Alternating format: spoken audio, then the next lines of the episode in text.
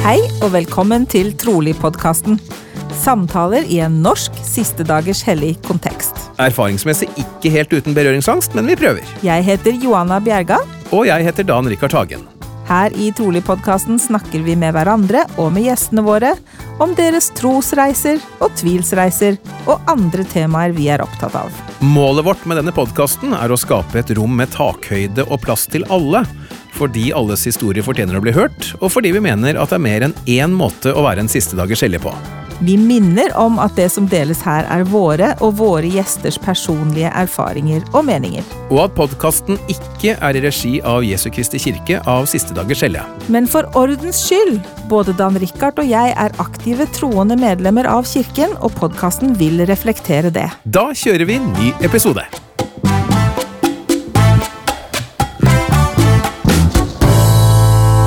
Ny episode av Trolig er klar, Johanna. Episode 41. Yay! Hvordan føles det? Det føles veldig bra. Ja, Eh, Det er omtrent alderen vår. ja, ja, ikke sant? Pluss plus moms, er det sånn? Ja ja, nei, men det snakker vi ikke om. Nei, ok. Momsen den får man jo gjerne tilbake, ikke sant? så det trenger vi ikke å tenke på. Du får den kanskje tilbake, som driver som, som selvstendig næringsdrivende og sånn, men ja, eh, det er sant. det er verre med oss andre. Ja. Sant nok. Uansett, det er tid for å prate om tro og alt annet som vi liker å snakke om. Og i dag så skal vi ha med oss en gjest som er i hvert fall godt kjent, vil jeg vel tro, da, i Drammen Stav, men ikke helt ukjent i Oslo Stav heller. Og hvorfor hun er godt kjent i Drammen Stav, det har jo sine naturlige årsaker. Det kan jo du si litt om, Johanna? Ja, i dag skal vi altså snakke med Marit Steffensen Pedersen. Bruker du Steffensen-navnet, eller bare Pedersen? Nei, vet du, jeg heter faktisk bare Marit Pedersen. Det ble så mye Sen, Sen. Det ble så rart. Men jeg er veldig stolt av Steffensen. Det er jeg. Det er du. Og eh, Marit har jeg kjent i eh, 34 år, ganske nøyaktig. Eh, Fordi jeg flyttet til Stavanger da Celine var helt nyfødt, og hun hadde bursdag i går. Så jeg har kjent Marit helt siden da. Ja. Så Marit er egentlig fra Stavanger, og det hører man så vidt. Ja, Men hun Ja, Avslepen det Stavanger, blir litt sånn. Og så Det blir litt sånn. Og så fant hun jo på å gifte seg med en bergenser, Tarjei Pedersen. Og så bodde de litt i Bergen, og så bodde de, har de slått seg til ro i, i Drammen, eh, ser det ut som. Og der har hun bodd med familien og mann og fem barn, og etter hvert til og med hund. Det stemmer. Hva- Da må vi spørre hva slags hund det er, da, vi som er hundefolk. En amerikansk cocker spaniel. Akkurat. De er ikke så store, hvis jeg ikke tar helt Nei, feil. da, de er sånn litt under kneet. Mm. Så en liten koselig en som tror den er mye større enn det den Ja, er. familiehund. Ja da, så søt. Ja. Kult. Og så har han så fint navn. Fortell, Marit. Han heter Lillebror. Ja. Ja, han er jo den minste. ja. Ikke bortskjemt i det hele tatt heller. Nei da. Nei, nei, det er bra. På det er sånn det ingen skal være. måte. Og eh, Marit har eh, brukt god tid på å bestemme seg på å være med på podkasten, så vi er veldig glad for at eh, hun nå endelig er eh, klar. Ja, Hun har vel tenkt på dette her i en fem-seks år snart nå? Nei, stakkar. Ikke, ikke fullt så lenge, men et par år i hvert fall, siden Ja. jeg spurte. Og hun er også en av våre eh, kanskje mest trofaste lyttere. Hun får med seg det aller, aller meste, tror jeg. Ja, jeg tror du har hørt på alle. Oi! Mm. Du verden. Ja, og jeg får, eh, og jeg får hva skal jeg si, konstruktiv kritikk, og, men ah, nei, aller, aller mest skryt faktisk får vi fra Marit, så, så hun er fan, og det, det er jo alltid hyggelig. Det er klart vi skal ha med oss fans på lufta. Ja, det syns jeg. Men altså, som jeg sa, hun er jo kjent i, i Drammensstad, og det, øh, det er jo også fordi uh, mannen hun er gift med, er jo da godt kjent i Drammensstav. Uh, tidligere statspresident, ikke sant, Tarjei Pedersen. Det stemmer. Men vi starter jo ikke der. Vi må jo starte helt fra børjan, Marit. Kan ikke du bare fortelle oss litt om ja, bakgrunnen din, rett og slett? Ja, altså jeg er født og oppvokst i Stavanger, og jeg har eh, vokst opp i kirka, og har Altså mine besteforeldre konverterte eh, De ble døpt i 1959, faktisk, så det er en stund siden. Eh, og jeg har Altså vi er fem barn i vår familie, og vokst opp da og tilhørt Stavanger menighet. Så ja, dro jeg på misjon, og så gifta jeg meg, og så flytta vi til Bergen. og ja. Vet ikke hvor langt du skal ha. Oi, mer enn det, i hvert fall. ja, mer enn det. Ja, ok. Dro på misjon, gifta meg, og så bodde vi seks år i Bergen. Um, og så fikk uh, Eller vi tok et valg. Uh, jobben Tarjei fikk jobb i Oslo kommune, så vi flytta der um, et par og tjue år siden. Så nå har vi bodd i Drammen siden. Ja. ja og tilhørt Drammen menighet, som jeg har vært, som er blitt veldig glad i. Ja, det skjønner jeg godt. Drammen Ja. menighet er en fin menighet. Mm. Ja, absolutt. Men det er jo Stavanger også, uh, Ja, utvilsomt. og mitt, litt av hjertet mitt ligger der, og, og i Bergen, for jeg tilhører på Facebook, så jeg tilhører begge menighetene, og jeg føler med. Men selv jeg, som bare så vidt har vært på besøk i Stavanger for noen år tilbake, har- kjenner jo til navnet Steffensen. Er ikke det en sånn bautanavn i, eh, egentlig i uh, siste dagers hellighistorie i Norge, sånn sett? Jo da, det stemmer det. Vi er iallfall mange.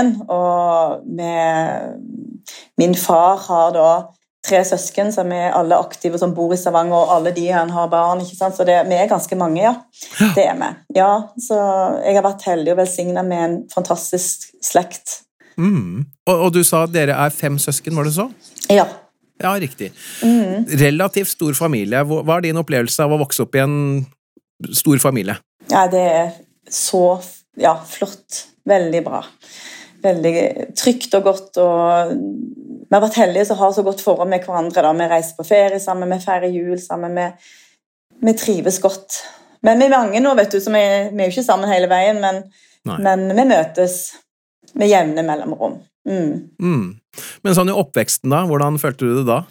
Nei, det var jo kjekt å ha søsken, og, og selvfølgelig Det ble jo det er jo, Å ha søsken er jo òg både og, holdt jeg på å si. Det er jo krangling og sånn, men, men eh, Nei, jeg har ei søster som er tre år yngre enn meg, og vi har vært hjertevenninner. Er Jeg tror etter vi har vært 15-16 år, så har vi faktisk aldri krangla. Se det. Så det, det er fantastisk. Vi, ja.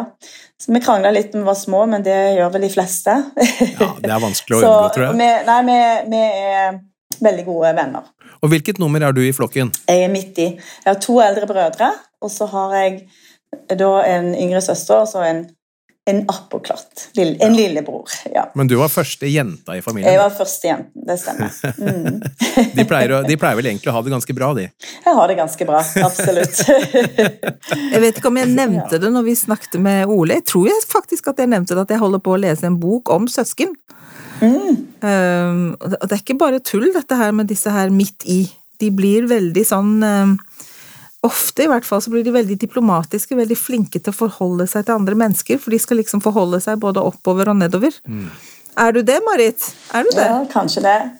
Eh, Ja, altså, jeg vet ikke, men eh, jeg er nok gjerne i overkant interessert i å holde familien samlet, da. Jeg er veldig sånn opptatt av ja, at vi skal feire ting, og at vi skal være sammen og, og sånt, og ja. Så, men alle er nok det, men jeg, jeg kan ikke Pluss at jeg er den eneste som har bodd utenfor Stavanger, sånn at jeg, jeg er jo veldig interessert i å samles alle, for jeg vil jo være med, sammen med alle. Så når jeg kommer til Stavanger, så er det mye sammenkomster og sånn. Og og Marit og Tarjei har, har da kjøpt seg hytte i Stavanger. Marit, Ja, fortell. det har vi. Ja, nei, altså det har seg sånn at jeg vil jo være ofte i Stavanger, og, og gjerne over lengre tid. Og når vi bor på besøk og sånn, så, så kan det jo være jeg, stress for de som har oss på besøk. Og mor og far har flyttet fra et stort hus til en leilighet. Så, så det, det er jo veldig kjekt for meg å kunne ha alle barna med meg, og, og, sånt, og etter hvert barnebarn og sånn. Så vi bestemte oss for å kjøpe en leilighet i Stavanger, sånn at, eh, at jeg kan være der litt oftere. da. Og, og jeg kan ta med meg de som har lyst å være der og være sammen med og bli kjent med familien. Og ikke minst at jeg kan invitere mine søsken på frokost og middag. Det syns jeg er veldig kjekt, for jeg har ikke bare lyst til å være gjest når jeg kommer, men jeg har lyst til å ha de rundt mitt bord. Så det syns jeg er veldig Jeg har også fått lov å være gjest på hytta i anførselstegn. Det er veldig, veldig hyggelig. Så de har, de har, de har så kjøpt en leilighet i en sånn gammel, klassisk eh, vårlandsvilla. Rett i nærheten av eh, dine foreldre, Marit. Og det, Ja, rett over gata. Så det, Det- er jo bare. Jeg følte det var litt inspirert. Ja. Så kjekt, da. Det er Ja, ja, ja, ja. Men du, jeg, skal, jeg vil ikke slippe helt eh, barndommen din. Nei. Eh, Det vil si, eh, ikke nødvendigvis barndommen som sådan, men jeg er litt interessert i å høre litt mer om den trosreisen din, jeg. Som Ja, ja. må ha Du sa du har egentlig Du er vel per SDH, eh, måten vi sier det på, født og oppvokst i kirken, forstår jeg? Ja, det har jeg. Og jeg Men fortell litt om det. Ja, altså jeg har alltid, alltid hatt en tro. Og den troen var ganske sterk fra jeg var barn. Jeg har, jeg har faktisk hadde åndelige erfaringer før jeg ble døpt. Jeg husker at jeg satt i jeg tror første klasse, og vi sang sanger om Kristus. og vi, vi, vi hadde På, på 70-tallet så hadde vi eh, andakt i gymsalen. Presten kom og fortalte om Jesus. Jeg, jeg var fan fra første klasse. Jeg elsket å høre historier fra Bibelen. Jeg, elsket, jeg husker ennå de sangene vi sang. Vi hadde en sånn sangbok som vi brukte. Og jeg sang med hele mitt hjerte, og jeg elsker det. Hva var det med, var det med si, historien om Jesus som tiltalte deg sånn? Jeg vet ikke alt. Jeg bare likte det så godt. Jeg følte godt. Og jeg, ja, men jeg har alltid hatt en tro. altså jeg var jo jeg hadde jo hørt om Jesus fra jeg var liten, så det var jo ikke noe sånn nytt som kom i skolen. Men det er kanskje det første øyeblikket jeg husker at jeg har et forhold til frelserne vi sang disse sangene. De trodde at Jesus var borte, de trodde at Jesus var død. Han lever og gir oss å spise av livets brød. Altså, Jeg husker disse tekstene. Jeg sang av hele mitt hjerte. Så. Så det var veldig spesielt, faktisk. Og når jeg døpte meg, så, så gråt jeg, og jeg er, kanskje, jeg er kanskje litt kjent for det òg, og blir rørt, men da jeg fikk Den hellige ånd, så, så rant tårene på meg, og, og vi sang eh, Det var den sang Jeg husker vi sanger veldig godt. Musikk er en veldig viktig del av mitt liv, så vi sang eh, Kom nu alle store små. Og den husker jeg at jeg gikk i gatene som syv-åtteåring, eller, eller kanskje etter dåpen òg, jeg husker ikke, men jeg gikk og sang denne sangen, og kunne, tårene kunne trille på meg. Jeg gikk alene for meg sjøl, og jeg sa Jeg vet ikke. Men jeg har hatt et forhold til Frelseren fra jeg var ganske liten. Fantastisk. Så det, Fantastisk. jeg ble litt rørt. Ja, ja, det er lov, det. Eh, og hvordan eh, fordi at én ting er jo barndommen når vi er små, eh, og så kommer ungdommen. Det kan for mange være Ja. en litt annen opplevelse da igjen. Hvordan Ja. var det for deg? Eh, seminaret, jeg må bare si seminaret har vært Det gjorde en veldig stor forskjell i mitt liv når jeg begynte, begynte på seminar. Og det var noe du ville selv? Ja, ja, ja. Ja, det ville jeg. Det Jeg, det var, jeg, husker, jeg husker vi begynte med Nytestamentet. Jeg husker de første, uke- de første ukene vi hadde jo sånn hefte, ikke sant? og jeg syntes det var litt vanskelig. og sånn, Men, men etter, jeg, jeg elsker det. altså, for det, Ole Bedoni kom på besøk, og jeg var, når jeg hørte på episoden nå, for et par dager siden om Ole Bedoni, og det, det ga meg masse minner. da. Når han kom på besøk, så var det åndelig fest. Og vi hadde jo hefter som vi jobba med. Vi hadde oppgaver som vi som skrev, og jeg husker vi hadde et skriftsted, så, så på en måte plukka vi det fra hverandre og liksom lærte ganske dypt om faktisk den kunnskapen jeg har om Skriften. Det har jeg fra seminaret, det er litt flaut å si. Jeg har lest i Skriften, har vært på misjon etterpå, men dybden på en måte, det er fra seminartiden. Og jeg hadde Joanna sin svoger, Tor Lasse Bjerga, som seminarlærer i tror tre av de fire årene. og han var som skapt Altså, han var helt rette person for meg. Mm. Det der, Han var eh, kjempeflink. ja, det der er litt sånn spesielt. Man hører ofte personer som sier det at eh, enten om det er seminar eller eh, unge menns ledere eller et eller annet sånt, som det var akkurat riktig person til riktig tid. Ja. Så, og han, han utfordret oss, og han sa En, sånn, liten episode jeg husker, sånn, han sa er det en velsignelse å være pen? spurte han. Vi var to-tre elever. Sant? Å ja, satt vi liksom. Det, det må være en velsignelse å være pen. Bare et eller annet sånt.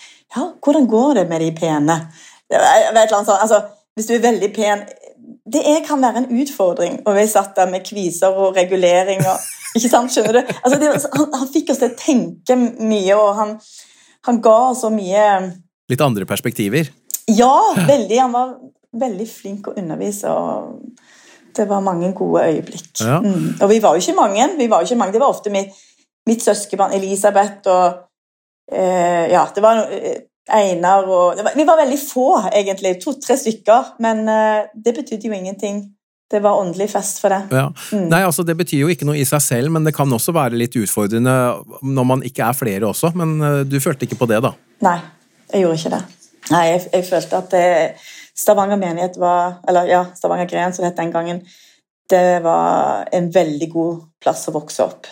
Ja, Vi fikk mye ansvar òg tidlig. Jeg husker at du var jeg spilte, jeg spilte jeg var pianist, jeg kunne jo knapt spille piano i primær. Og, altså, vi fikk oppgaver tidlig, og vi liksom vokste med det. Så hvis du skal oppsummere Dette var jo en litt kort oppsummering av din ungdomstid, Ja. men, men det du egentlig forteller, er at med ja, både barndommens åndelige opplevelser, som du har vært innom, og ikke minst eh, seminar, som ga deg mye kunnskap og åndelige opplevelser, så så følte du ikke at du møtte på de store utfordringene gjennom ungdomstiden, f.eks.? Nei, og jeg husker i seminar tilbake til seminar da, som jeg var veldig glad i, så hadde vi om gjenopprettelsen. Og vet du hva, jeg På samme måte som kanskje jeg fikk et forhold til Kristus, så fikk jeg også et, et veldig sterkt forhold til Josef Smith. Så jeg var veldig, veldig glad eller jeg, Og jeg er det fremdeles. Og jeg har Jeg vet at det er kanskje mange som har mye å si om den perioden, men jeg, jeg vet ikke, jeg har et så sterkt åndelig vitnesbyrd om gjenopprettelsen og den tiden eh, Den første tiden, den pionertiden. og jeg var, når jeg var 40 år, så fikk jeg en overraskelsestur av eh, min mann. Han tok meg med til Palmyra og, og fikk se disse små små stedene som var så ubetydelige i verdens øyne. Men altså, den ånd som vi følte der altså Det er ikke tvil i min sjel at gjenopprettelsen har tatt plass, og at Josef Smith virkelig så det han så. Og ja, så det, det, har vært veldig veldig sterkt for meg i min ungdomstid og gjennom hele, min, hele mitt liv. Så eh, jeg har veldig veldig sterk vitnesbyrd om, om, de tingene der. Om mormors bok, ikke minst. Og det, det har vært levende. Mm. Jeg husker da du skulle reise på misjon, Mm. um, at, da du dro. Uh, hva var det som gjorde at du bestemte deg for at du ville, ville reise på misjon? For det, den gang så var det ikke så vanlig at jentene reiste, Nei. faktisk. Selv om akkurat Stavanger menighet hadde jo hatt en, en god gjeng. Altså både Gro hadde reist, og Wenche hadde reist. uh, Mai. Pallesen. eh, Mai. Pallesen, ja. ja. Ja. Uh, ja jeg, vet, jeg vet ikke hva det var, men det var nok Jeg var veldig jeg var veldig misjonærorientert i min ungdom. Jeg skrev blant annet en stil på ungdomsskolen i engelsk. og jeg, vet ikke jeg tenker på nå, jeg aner ikke hva egentlig oppgaven var, sikkert litt på siden, men jeg skrev A Mormon Girl. Husker jeg skrev, skrev om Josef Smith. Jeg, jeg må ha hatt mange åndelige opplevelser. Jeg, jeg var veldig sånn gira på evangeliet veldig ungt.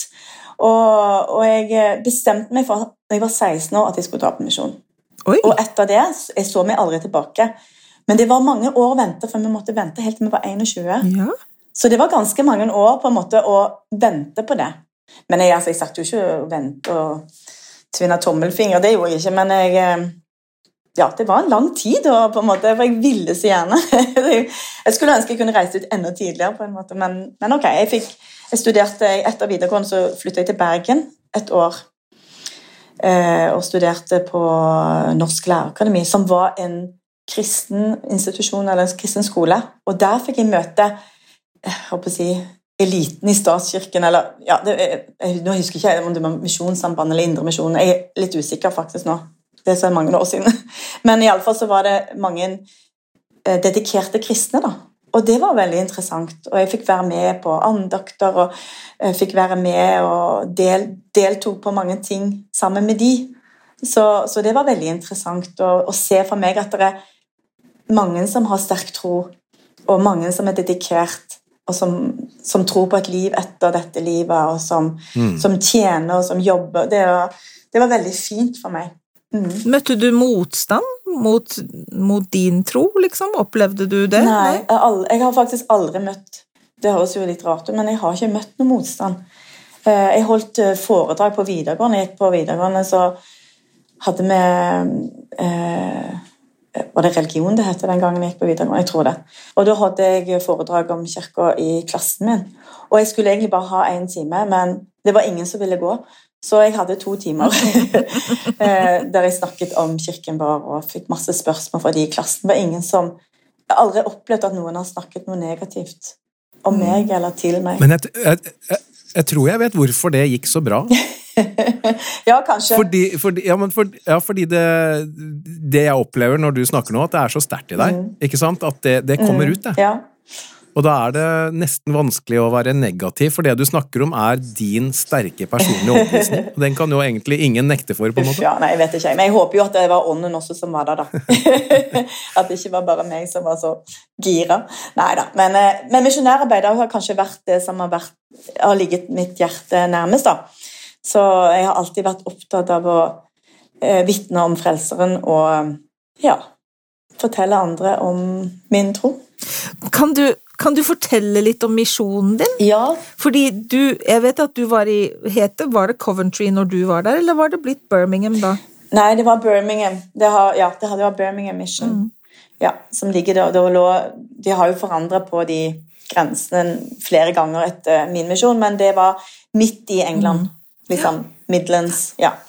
Så der hadde jo eh, Johannes vært, Johannes din mann, og Geir Weggersen og mange som har vært der før meg. Eh, men vi var tre norske som var der ute samtidig, og det var meg, og så var det Espen Amundsen, og så var det Kenneth Evensen. Okay. Så vi var en trio samtidig, da. Så det var veldig flott, og jeg var veldig stolt på det. Ja, var stolt av å være norsk eh, sammen med de, og ja, de hadde sterke vitnesbyrd, og vi, vi hadde det fint i England. Ja. Opplevde du at det var en fordel å være norsk og ikke amerikansk allerede på det tidspunktet? Jeg vet ikke, jeg. Eh, kanskje at det var litt Vi var jo faktisk ganske mange skandi- Det var flere fra oss, både Sverige og Danmark, og det var mange engelsk, engelske fra, Eller fra, misjonærer fra England. Og så det, vi, vi var en ganske sammensatt gruppe. Faktisk mange fra Tyskland. Ja, det var mange europeere, egentlig. Okay. Så jeg tror ikke det er noe negativt i hvert fall, å være fra Skandinavia. Da er iallfall nok å snakke om. Alle har et, et eller annet tanker, eller Mm. kjenner noen, eller Men Fortell litt Ja. mer om misjonen din. Hvor var det du tjente? Og... Eh, ja, altså jeg eh, tjente på flere plasser. I Coventry, Nottingham, en liten plass heter Colville. Eh, jeg elsker misjonen min. Det var eh, Hvis jeg kan si at jeg har hatt en blomstringstid, så må det kanskje vært der jeg har blomstra mest, tror jeg. Hvorfor det? Ja, hvorfor det? Hvorfor det? Jeg er ikke sikker, men det må jo være eh, jeg, Man får stadig bekreftelser hele tiden på at Kirken er sann. Det savner jeg litt i hverdagen. Liksom, på en dag på misjon så kunne du få liksom hel, eller flere ganger i løpet av en dag fikk du liksom bekreftelse på at evangeliet Og på hvilke måter da? Er det noe du husker? Nei, men øh, Ja, hva var det Nei, vi møtte mennesker, og vi, vi bare vitnesbyrd om Hvis noen hadde mista noen de var glad i, så bare vi vitnesbyrd at det er et liv etter dette. Så følte du ånden bekrefte det. Altså, Du får hele veien sånn bekreftelser på, det vi, på sanne prinsipper. da. Så, og det, det, det kan du få i dag òg. Man må kanskje bare bli flinkere til å, til å snakke om de viktige tingene. Mm. Er det noen spesielle episoder som, eh, som på en måte sitter godt i deg, som eh, av ulike årsaker var spesielle, da? Ja, altså Vi hadde en familie som ble døpt med fire barn. Det var, det var veldig spesielt, og vi fikk lov til å være med de til tempelet. Altså, jeg, jeg dro hjem i oktober, og så reiste jeg tilbake igjen. Fordi de ble døpt i begynnelsen av min misjon, og så reiste jeg tilbake igjen en måned eller to etterpå, og så fikk vi være med eh, liksom ja, i tempelet sammen med de. Da. Så jo, det, det er mange gode opplevelser. Og jeg har kontakt med flere på Facebook ennå som jeg var med og underviste, så, så det er fint. Ja. Ja.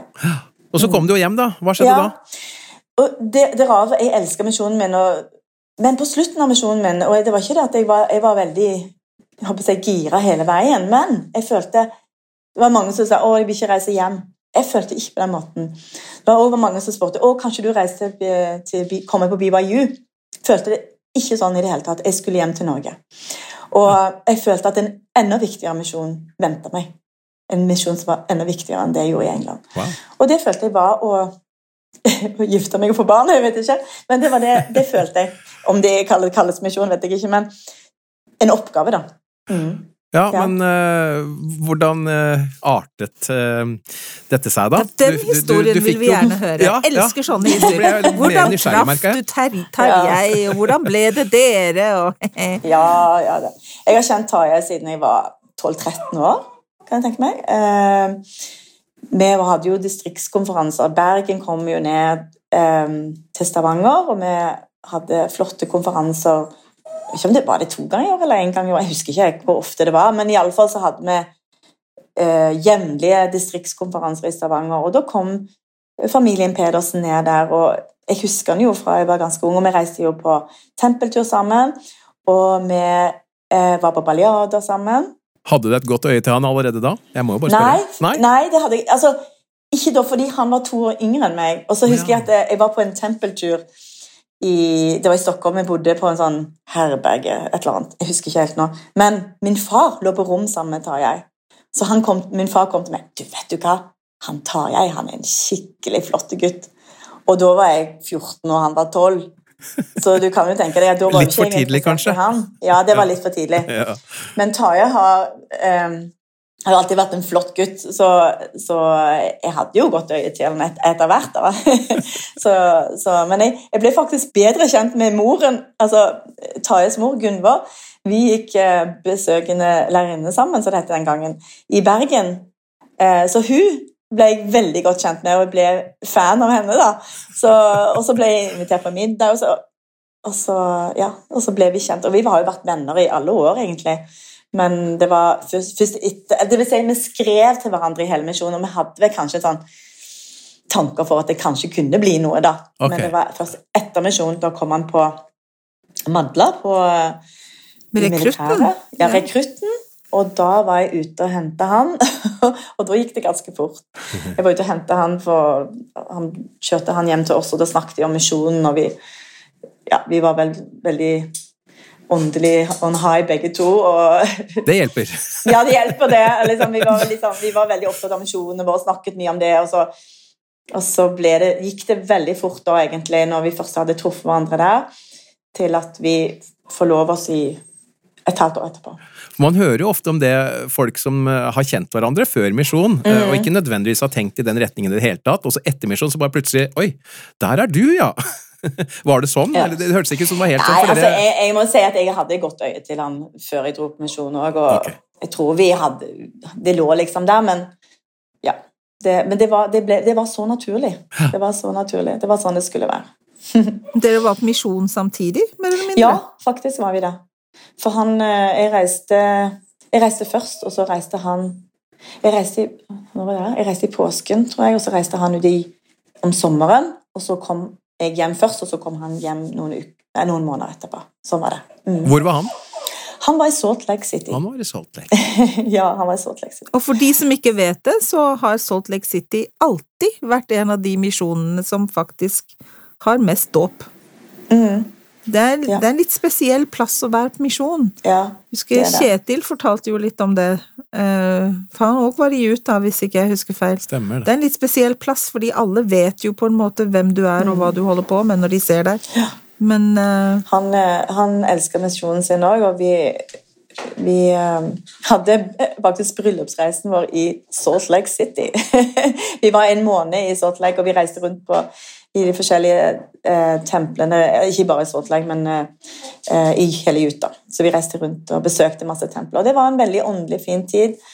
La et godt grunnlag for resten av vårt ja, familieliv. Ja. mm, Og du ja. nevnte seks måneder etter eh, misjonen så ble dere forlova, var det så? Ja, og så gifter vi oss da i juli et halvt år etterpå.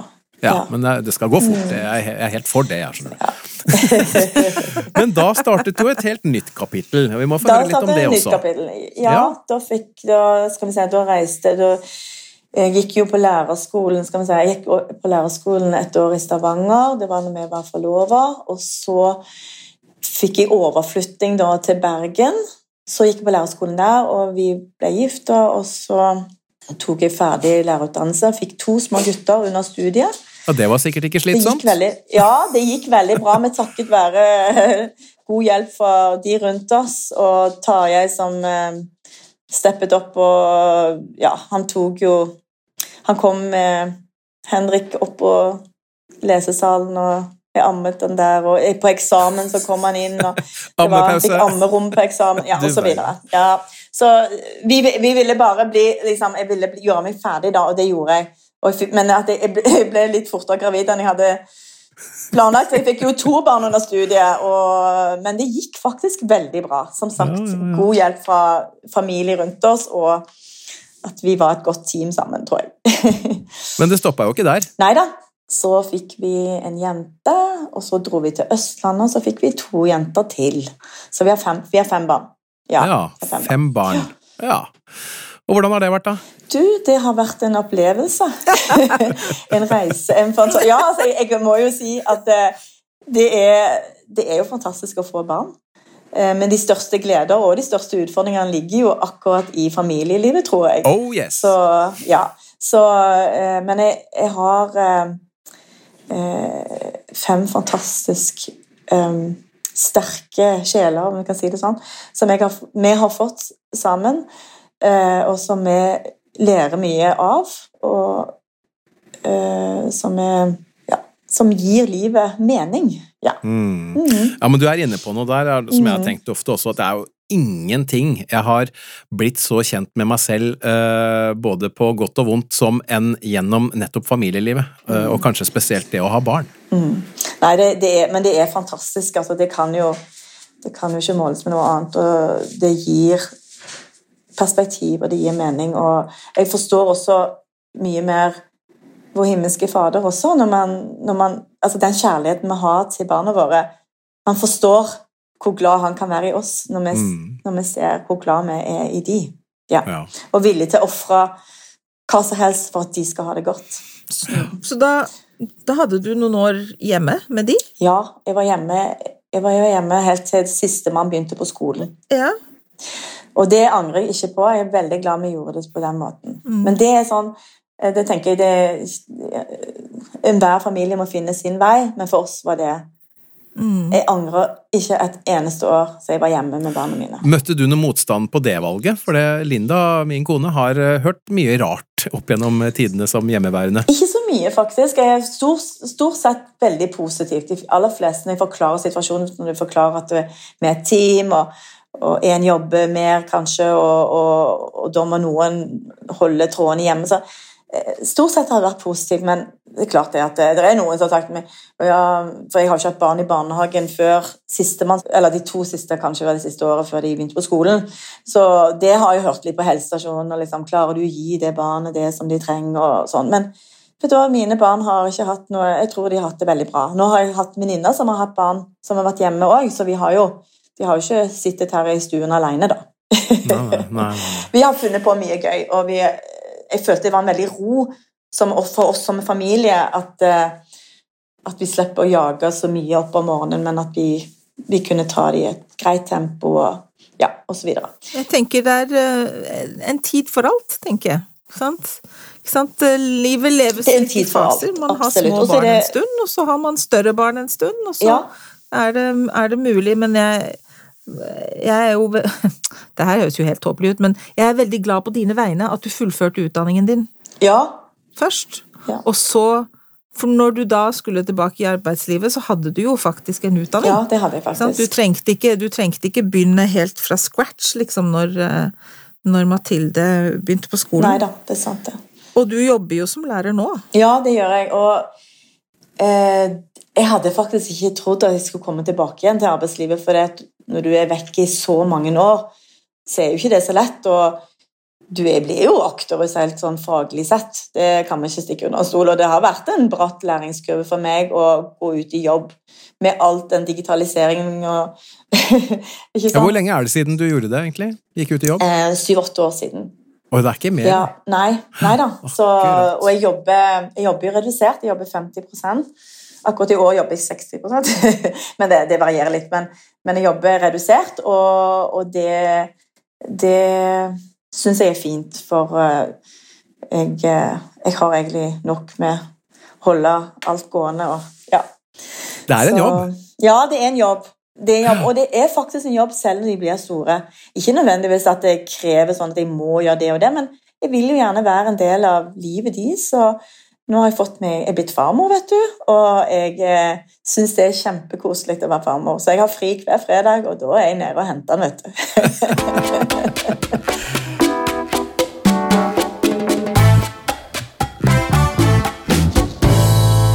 Ok, så da har vi kommet til eh, fem barn og familieliv, men oppi alt dette her så har dere vel hatt eh, litt å gjøre i kirken også, mistenker jeg, som vi kanskje kan snakke litt om. Ja. Altså, Én ting er at Tarjei var stavspresident i ti år, men de har jo gjort mye annet i kirken. Ja. Før og etter og un underveis. Jeg vet jo blant annet at Marit var jo Du var jo president i primær i Staven i ganske en, en god stund. ja, det var jeg. Mens Tarjei faktisk var statspresident, så var jeg eh, i staben òg. Så da reiste vi sammen. Og... Nei, vi har alltid, alltid vært oppdratt på den måten at vi sier ja til de oppgavene vi får. Og det har bare vært en stor velsignelse, for jeg føler at vi vokser på det, og, det å kunne tjene andre, det, det gir så mye, vet du. Så, så da gjør vi det, da. Ja. Men, Ja. men det må jo være lov å spørre, da. Eh, som du sier, eh, Johanna Tarjei har altså vært statspresident i ti år, og det er ikke lite arbeid. Eh, og så har, vi, så har vi også våre andre jobber og, og familie og alt sånt. Men hvordan er det Hvordan var det for deg? Du, jeg vil si at det var utelukkende positivt. Og Det høres ut som at alt var rosenrødt. Det var det ikke. Vi, opp, vi har opplevd ganske mye på de ti årene. Eh, men det at han hadde den oppgaven der, det var så mange velsignelser knyttet til det at eh, jeg kan bare si det samme, at det har vært positivt. Mm. Han vokste veldig i det kallet der, og jeg fikk være med på mye. Men, altså, hjemmet vårt ble brukt eh, når misjonærer reiste ut, så hadde vi en del som, som ble beskikka her hjemme. Eh, vi fikk være med på mye. Mange åndelige opplevelser knytta til, til det kallet. Så nei, det har vært veldig fint. Så, men jeg, jeg tror nok det selvfølgelig for Tarjei så har det jo også vært tungt, eh, i den forstand at det er mye ansvar. Så jeg unner han til å ikke være det akkurat nå. Så etter, det er jo et tungt ansvar som hviler på skuldrene hele tiden. og han var veldig jevn, føler jeg. Eh, han skal jo få snakke for seg sjøl, men sånn som jeg, når jeg står ved siden av han og ser, så var han, jobbet han veldig jevnt og trutt og, og trofast i det kallet. Og ja, jeg, eh, jeg så veldig mange positive ting. Altså, jeg er jo så glad i medlemmene òg. Jeg er så glad i medlemmene både i Kristiansand og Arendal og altså overalt. Tønsberg og Bergen og Haugesund og Stavanger. jeg fikk jo være med på mange av disse turene. og eh, Jeg har en god venninne i Haugesund. Marianne hun er faktisk på besøk hos meg nå. Og I ti år så reiste vi to ganger i året og besøkte de, og vi hadde med oss barna våre. Så Det vennskap som er for resten av livet og inn i evigheten. Så jeg er så takknemlig for, for de årene. Ja.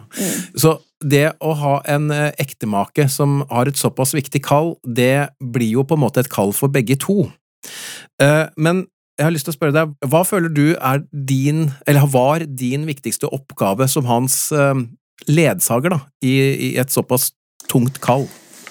Jeg tror det var viktig for meg å holde hjulene gående hjemme og kunne være en støtte for han, for det, det var mange ganger han kom hjem eh, ja, trøtt og etter møter og reiser, og han kom hjem seint på søndag, så skulle han opp igjen på jobb eh, mandag morgen. Så det å kunne bare holde ting flytende hjemme, eller flytende kanskje ikke riktig ord, men holde ting gående hjemme, da, tror jeg er viktig å støtte rent sånn og være sterk i meg sjøl, sånn at han slapp i hvert fall å tenke på meg Mm. eller oss, i den forstand. Og det gjorde han selvfølgelig hele tiden, men, men, at, men at, at, at, han slapp å på en måte, At jeg kunne stå sjøl og, og ha min egen åndelige styrke og, og kunne være til styrke for de rundt meg. Og, så vi, vi var jo et team, og det sa han det, det, du er med i dette kallet, du òg. Det sa han hele tiden. Og, og da følte jeg at det, ok, jeg er med, jeg òg. Og vi gjør dette sammen for Herren.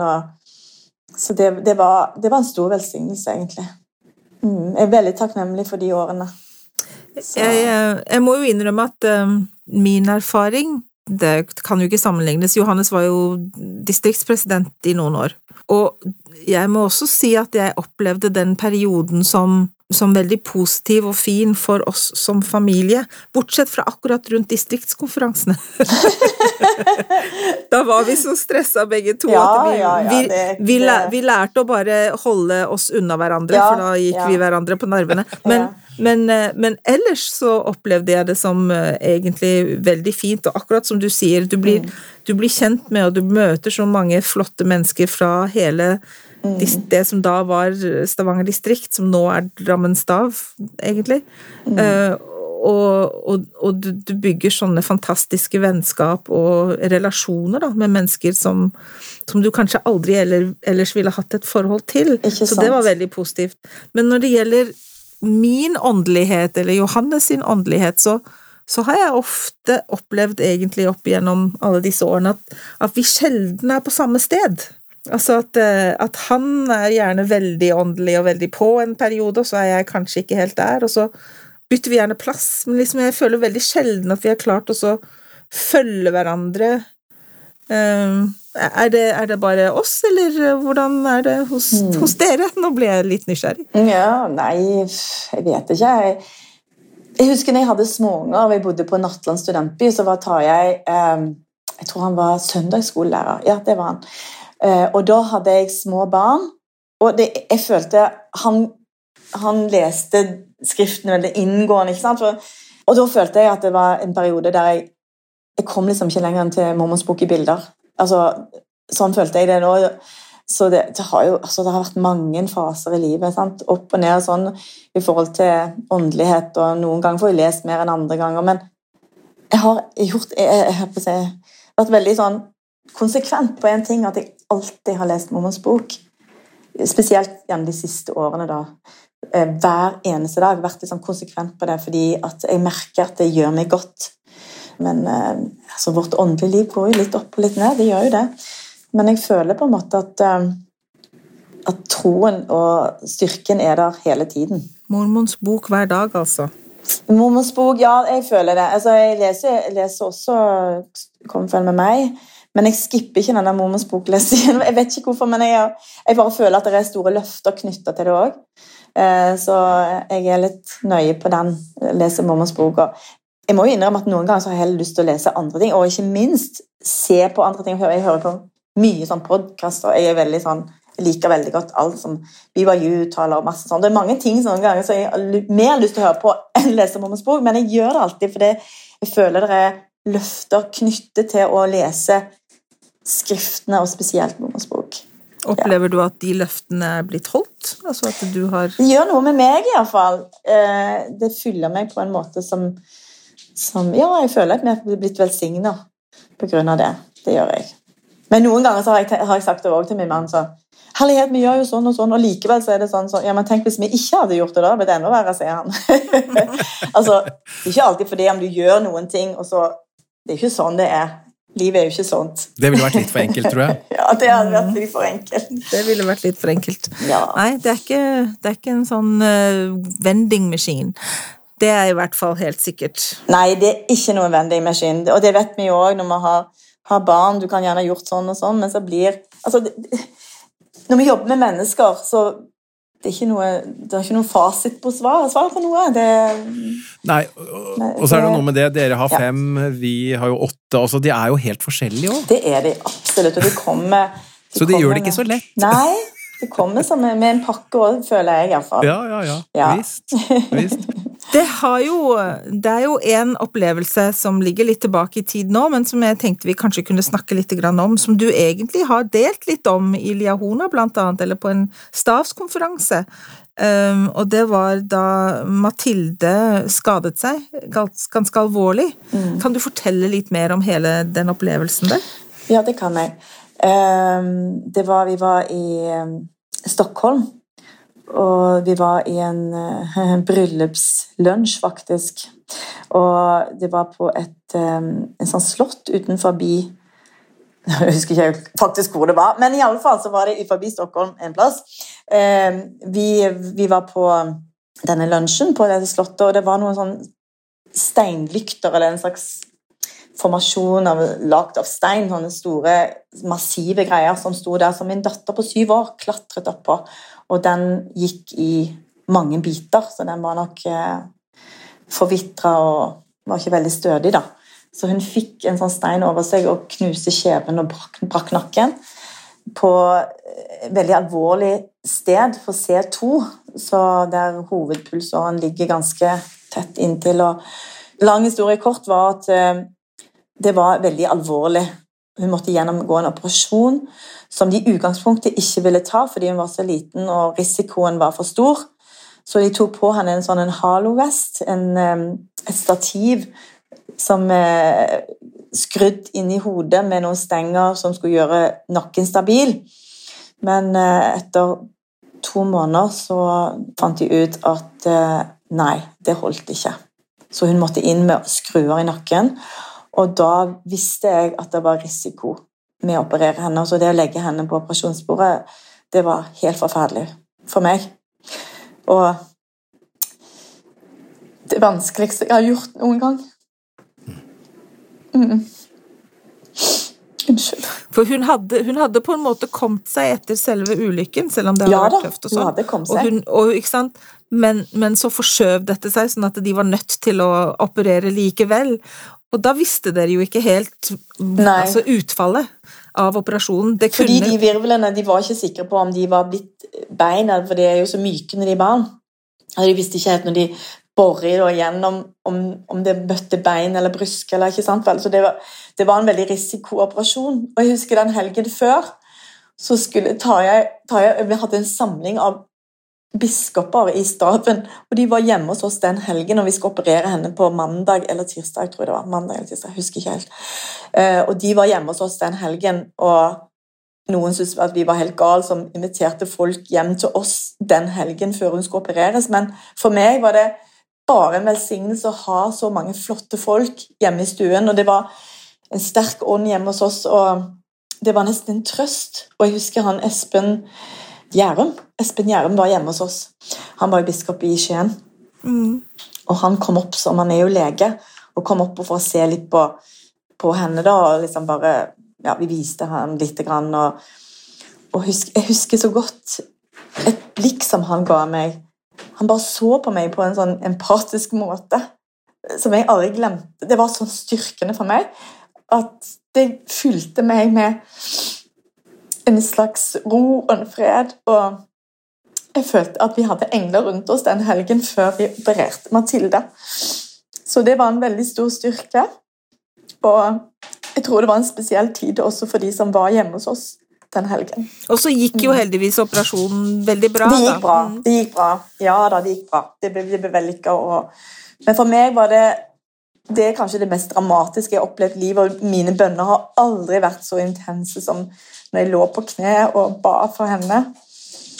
Så det er jo erfaringer vi gjør oss i livet, men jeg har alltid vært så følsom. Jeg har alltid vært så livende redd at, at, eh, at jeg skulle oppleve liksom, at noe skulle skje mine barn. Mm. Og jeg har alltid sagt 'vær så snill og spar meg for det'.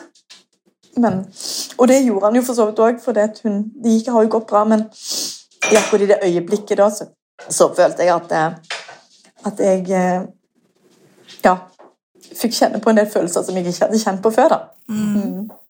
Hvordan, hvordan tenker du at evangeliet For jeg fikk i hvert fall en sterk følelse av at, at din tro og ditt vitnesbyrd og, og, og kirken hjalp deg veldig gjennom, gjennom det som var vanskelig.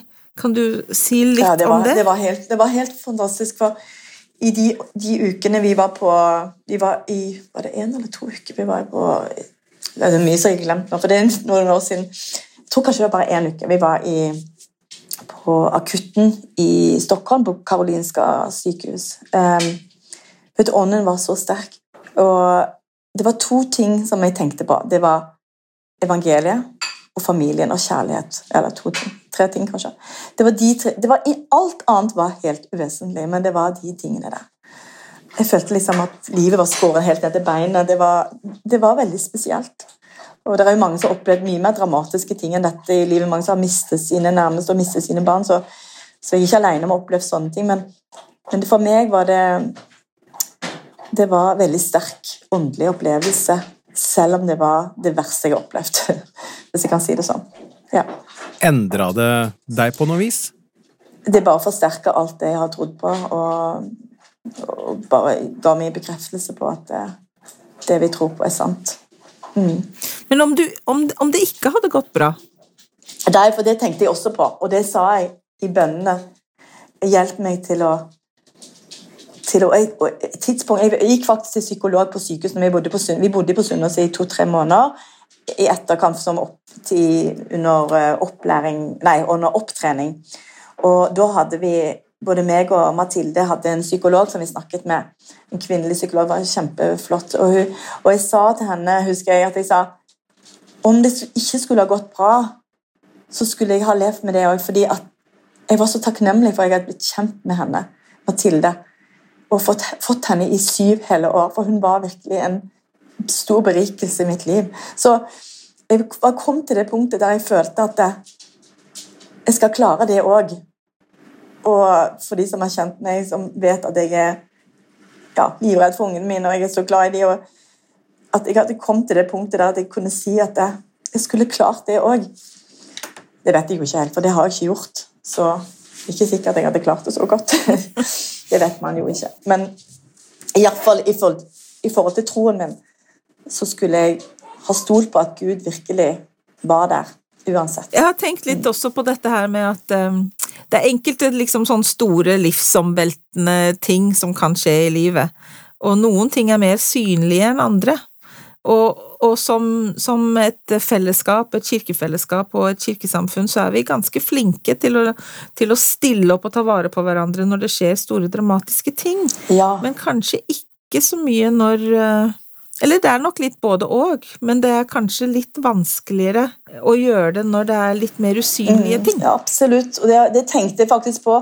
Vi fikk jo en fantastisk støtte og oppmerksomhet, og altså, det var ikke en måte på. Og det, vet du hva, det var, gjorde så godt langt inn i sjelen. Men jeg har også tenkt på at det er veldig mange som, som har mye å stri med, som ikke kan se. Det er en sang i salmene, så en sånn setning som sier i et hjerte kan det være sorg som intet øye ser. Som er litt usynlig, det som, det som skjer på innsiden. ikke sant? Det kan være ganske ensomt å ha sånne prøvelser som, som man kanskje ikke kan snakke så åpent om heller, for kanskje det er litt enten litt tabubelagt, eller at det, at det er forhold som, eh, familien som kan gjøre at det er vanskelig å snakke om det. ikke sant? Så det er nok mange i menigheter rundt omkring og ellers i verden som har mye sorg som ingen andre ser. Og det føler jeg er så viktig at vi, at vi prøver å ja, se de som strever, og, og at vi òg kanskje er, må være litt tørre på en måte å snakke om hvordan man har det. Men um, jeg er så takknemlig for å tilhøre ja, en menighet der vi har mange rundt oss som, som, som man kan ha gode forhold til. At vi kan dele, at vi har et forum der vi kan dele ting.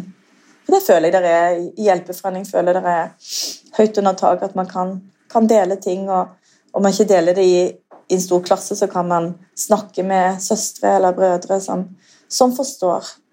Når hun, Psykologen som, som, eh, som, jeg snakket med på Sunnaas, sa jo annet det Vet du, alle skulle hatt en kirke som dere, sa, som, som virkelig har et sånt nettverk. Vi fikk jo tegninger, vi fikk mat, vi fikk gaver. Altså, vi fikk så mye. og Folk kom på besøk til oss. og Tenk hvis alle hadde hatt en menighet og, som, som også så ville det være mye bedre. Ja. Mye lettere. De er velkomne. ja, ikke sant. Og det er, derfor, det, det er også et driv når jeg tenker på misjonærarbeidet. For jeg har kollegaer og, og, folk rundt meg som jeg ser ja, kan være ensomme og som har tungt. Og jeg skulle ønske mange ganger Kom, kom! ikke sant? Og man kan jo ikke alltid ja, men det er iallfall en stor motivasjon til å gjøre misjonærarbeidet. Man har verktøy i, i, Med evangeliet så har man masse verktøy. Vi snakker med Marit Pedersen i dag, og nå har vi kommet til våre faste spørsmål. Og det første spørsmålet det er hvordan vil du egentlig definere tro? Hva er tro for deg, Marit? Tro for meg Ja, det er vel en, en tillit til noe som er, som er der, som ikke ser. Jeg, jeg, vet ikke, det er vanskelig å lage en god definisjon. Jeg tenker bare på det som står i eter, selvfølgelig. Men jeg tenker på frelsesplanen, da, at vi kommer på jorden her og går gjennom glemselens slør. Vi vet ikke, vi husker jo ikke forhold til værelsen, men vi er her, og vi har jo et forhold til Faderen. Vi har et forhold til Kristus. Vi ser det jo ikke, eh, men vi vet at de er der. Mm. Ja. Du har jo vært litt inne på dette her for så vidt i løpet av episoden også, men eh, vi pleier jo å spørre hvordan hører du ham? Hva er sånn hvordan hører du typisk ham da i ditt liv? Herren, altså. Ja, Herren. Hvordan hører jeg Herren? Du, eh, på mange forskjellige måter. Selvfølgelig gjennom skriftstudiet, mellom bønn, jeg elsker å sitte på møter. Det høres jo helt rart ut, kanskje, for det er jo eller mellom møtene ting skjer. Og jeg elsker å besøke og hjelpe og tjene. Men jeg elsker også å sitte på møter, og det har jeg alltid likt. Bedner sa det at møte er egentlig en uh, tid for åpenbaring. Kan være. Kan være. Når vi sitter og hører på folk som deler ting i klasser, uh, en lærer som er godt forberedt, som har ånden med seg, så kan man få inspirasjon. Så jeg, jeg også har jeg venner, familie som deler ting på så mange måter. Og jeg hører på podkaster og taler og generalkonferanser. Det er mange måter jeg hører Herren. Hører du Herren gjennom oss, altså? Ja, det gjør jeg. oi. oi, oi. Ja, absolutt. Hvis det var noe du kunne endre, hva ville det vært? Eh, helt ærlig så syns jeg ikke det er, det er noe som jeg savner i kirken. Jeg, jeg føler at jeg, jeg, får så mye, og jeg føler jo Eller jeg har et sterkt vitnesbyrd om at kirken er ledet av Jesus Kristus gjennom våre ledere. Så jeg, jeg har en veldig tillit til at det er sånn det skal være. Men selvfølgelig, vi er jo ikke perfekte. Vi er jo en vi er, vi er mye forskjellige, og vi gjør sikkert feil, og alt det her, men men jeg, jeg, ser ikke noe som jeg ønsker å forandre på i kirken. Og hvem er jeg som skal forandre på noe, eller som ønsker å forandre på noe? Jeg føler at eh, kirken er inspirert, og at, eh, at det er sånn det skal være.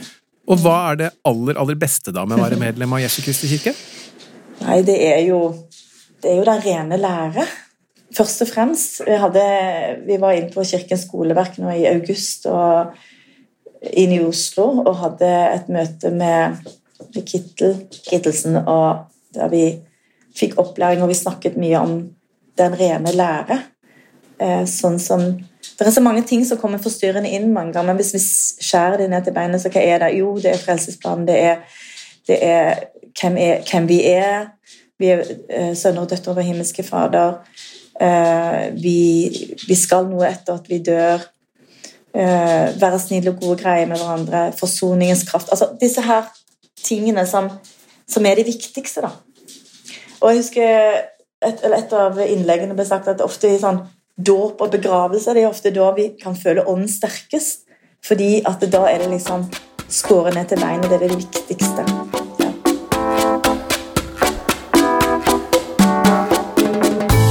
Tusen takk for at du hørte på dagens episode. Vi er snart tilbake med en ny og spennende samtale.